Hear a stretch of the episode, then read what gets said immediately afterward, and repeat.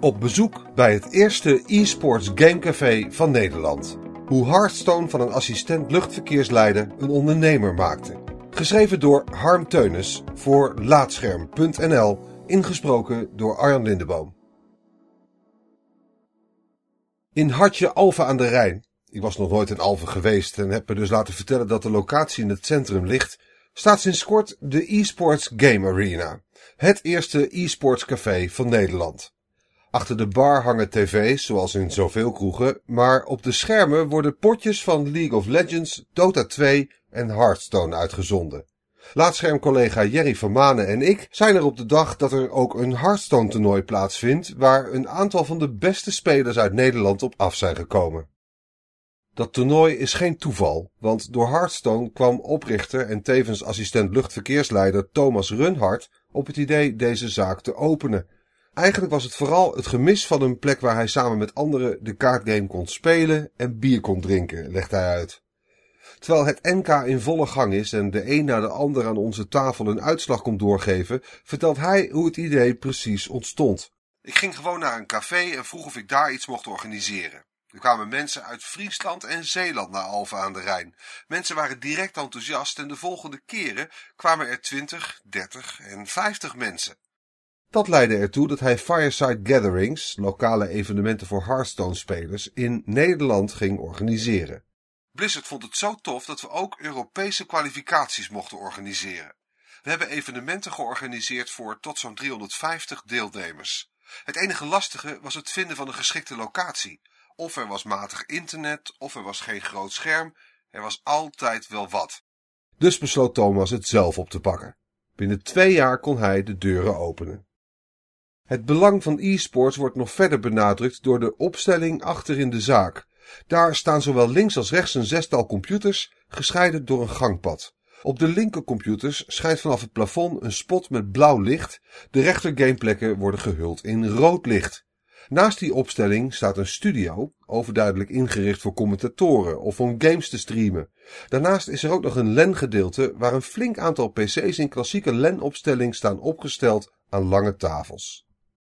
Toch richt Runhard zich niet alleen op e-sports. Hij wil iedereen bereiken die iets met games heeft. Je kunt hier alles doen. Van gamen op PC of een van de consoles tot arcade games, racen in een van de racing seats tot het spelen van grote wedstrijden. Maar het enige wat we echt heel belangrijk vinden is het sociale aspect en gamen sociaal maken. Dat streven kan ik alleen maar omarmen, maar ik moet ook denken aan de gamecafés die ik in het verleden bezocht en dat die vrijwel allemaal gesneuveld zijn. Ik interviewde ooit de eigenaar van The Game Syndicate in Rotterdam en Den Haag. Dat bedrijf is intussen failliet. En ook Wizard in Enschede en Utrecht bestaat ondertussen niet meer. Daarom ben ik benieuwd waarom het concept en verdienmodel van Thomas wel toekomstbestendig is. Dat heeft onder andere te maken met e-sports en de hoeveelheid geld die daarmee verdiend wordt. Het is gewoon interessanter voor bedrijven geworden. Neem de e-divisie. Sinds dat live is, is er vanuit bedrijven ook veel meer aandacht voor e-sports. Dat maakt het wel dat dit mogelijk is. Opmerkelijk is dat je bij de e-sports game arena niet hoeft te betalen voor het gamen. Je bent alleen verplicht wat eten en drinken te kopen als je aan het gamen bent. Dat kan doordat wij ervoor zorgen dat bedrijven de tent draaiende houden. Bij internetcafés vragen ze veel geld om je een uurtje te laten gamen. Wij verlagen juist de drempel voor gamers door meer te mikken op de inkomsten uit de zakelijke wereld en evenementen en niet zozeer uit de gamers die gewoon een leuke tijd willen hebben. De inkomsten van het bedrijf komen niet alleen uit sponsoring op de tv's achter de bar, want ook reclames in de uitzendingen op het Twitch-kanaal van de bar zijn belangrijk. Daar geven we voor- en nabeschouwingen van de events die hier plaatsvinden, zoals onder andere voor Hearthstone, League of Legends, Counter-Strike, PlayerUnknown's Battleground. Thomas hoopt dat de ontwikkelaars of uitgevers van games zijn locatie gaan gebruiken om events te organiseren. Bijvoorbeeld voor finales als het Nederlands kampioenschap van vandaag of BlizzCon op 3 en 4 november. Wij zenden dan vier streams uit van het evenement en maken de Nederlandse uitzending van de StarCraft-wedstrijden vanuit onze eigen studio. Een uur voor de finale praat ik nog even snel met Hearthstone-speler Ruud van Delde, a.k.a. Arch Enemy. Hij vindt het vooral heel tof dat het Thomas is gelukt om zijn plan te realiseren. Vanuit de Hearthstone community is er zeker vraag naar plekken als de eSports Game Arena om toernooien te kunnen spelen, zegt Ruud. Als ik in de buurt ben of we gaan met ons team iets organiseren, is dat zeker zo. Vanuit Hearthstone denk ik niet dat de mensen hier snel naartoe zullen gaan om zelf te gamen. Voor andere games komen natuurlijk meer spelers, maar het is vooral prachtig voor toernooien. En zo'n plek hebben we eigenlijk nog niet in Nederland. Maar alleen met de bar kun je dit denk ik niet allemaal onderhouden.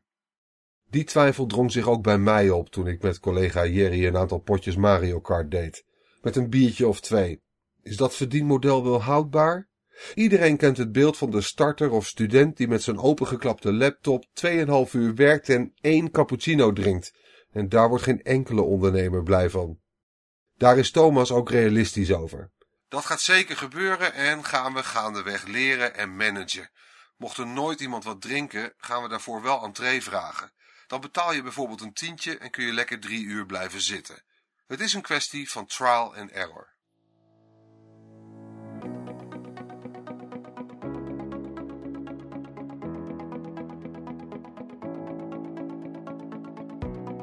Dankjewel voor het luisteren naar Laatscherm voorgelezen. Als je waardeert wat we hier doen, dan zouden we het leuk vinden als je even een sterrenrating en een recensie achterlaat op Apple Podcasts of de podcastservice van jouw keuze. Abonneer je ook op onze andere podcast, Praatscherm. En ga voor deze en meer verhalen, geschreven of gesproken, naar laatscherm.nl.